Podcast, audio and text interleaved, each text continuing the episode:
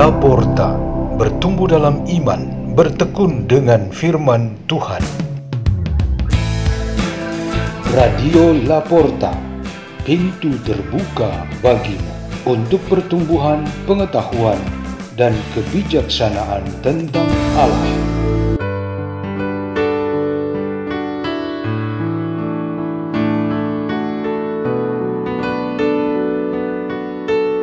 Bacaan dan Renungan Sabda Tuhan hari Kamis, Pekan ke-29 Masa Biasa, 20 Oktober 2022.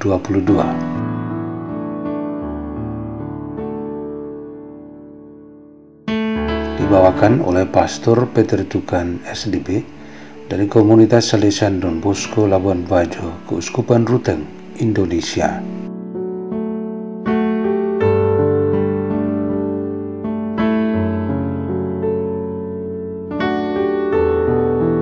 Inilah Injil suci menurut Lukas bab 12 ayat 49 sampai 53. Pada suatu ketika Yesus bersabda kepada murid-muridnya, Aku datang melemparkan api ke bumi dan betapa kudambakan agar api itu selalu menyala.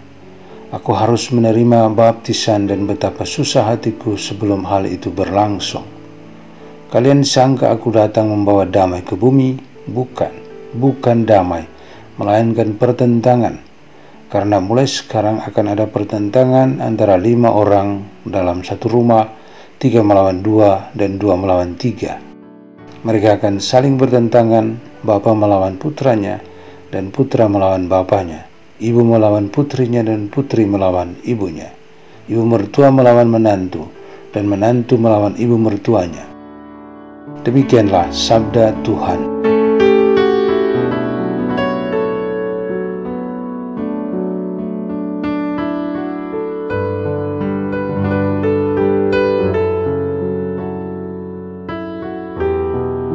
Tema renungan kita pada hari ini ialah api yang selalu menyala di bumi. Di sebuah kampung sedang ada wabah demam berdarah. Kewaspadaan tentang penularan penyakit itu semakin ditingkatkan. Sementara itu, ada seorang murid kelas 3 SD bernama Marcella sedang mengikuti pelajaran menggambar. Ibu guru meminta semua anaknya untuk menggambar sesuatu yang menurut mereka sangat menarik pada saat itu. Setelah itu, masing-masing murid menunjukkan hasil gambarnya. Marcella menunjukkan gambar api yang menyala begitu besar dengan tulisan pada gambar itu, demam berdarah mati terbakar oleh api. Marcella dan kita semua ingin supaya api yang menyala di bumi harus memusnahkan apa saja yang merusak kehidupan kita. Tuhan Yesus juga pernah berkata tentang api yang ia bawa ke dalam dunia, supaya terjadi pembersihan terhadap yang jahat dan memberikan kesempatan kepada yang baik untuk tumbuh. Firman ini membuat para murid Yesus merasa tidak tahan, lalu memilih meninggalkan Yesus. Tetapi Petrus mewakili para rekannya memilih bertahan dan setia. Ia lalu berkata, "Kepada siapa lagi kami harus pergi, Tuhan?" Kita juga memilih bertahan bersama Petrus. Buktinya, kita semua tetap bersemangat dan menyanggupi seruan Petrus itu. Bahkan, semakin kuat pada saat ini bahwa kita tidak bisa kelain hati kecuali kepada Dia saja.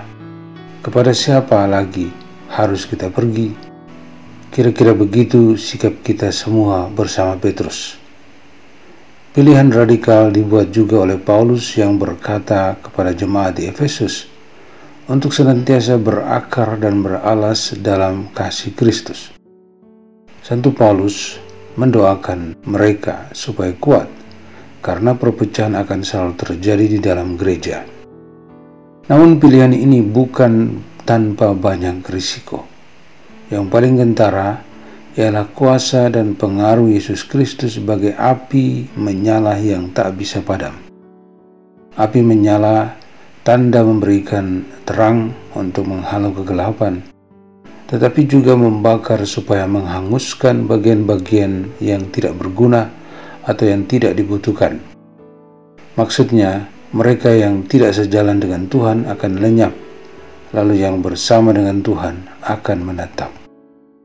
Di zaman Kristus dan gereja perdana, pemisahan ini sangat jelas. Gara-gara kuasa Kristus ini, sebagian anggota keluarga memilih mengikuti Yesus, sebagian lain menolak dan melawannya. Saat ini, pengaruh duniawi dan kedagingan membuat polarisasi antara mereka yang setia dan tidak setia mengikuti Yesus Kristus. Kalau ingin supaya mereka yang tidak setia dapat kembali menjadi setia, kita masing-masing dapat mengambil ini sebagai satu tanggung jawab bersama. Paling kurang menjadikan setia sesama di sekitar kita. Marilah kita berdoa dalam nama Bapa dan Putra dan Roh Kudus. Amin. Bapa di surga, pandanglah dan berkatilah kami yang rapuh dalam semangat untuk bertahan dalam kesetiaan kepadamu, keluarga, dan komunitas kami yang rapuh ini sangat membutuhkan campur tanganmu. Kemuliaan kepada Bapa dan Putra dan Roh Kudus, seperti pada permulaan, sekarang, selalu, dan sepanjang segala abad. Amin. Dalam nama Bapa dan Putra dan Roh Kudus. Amin. Radio Laporta, pintu terbuka bagi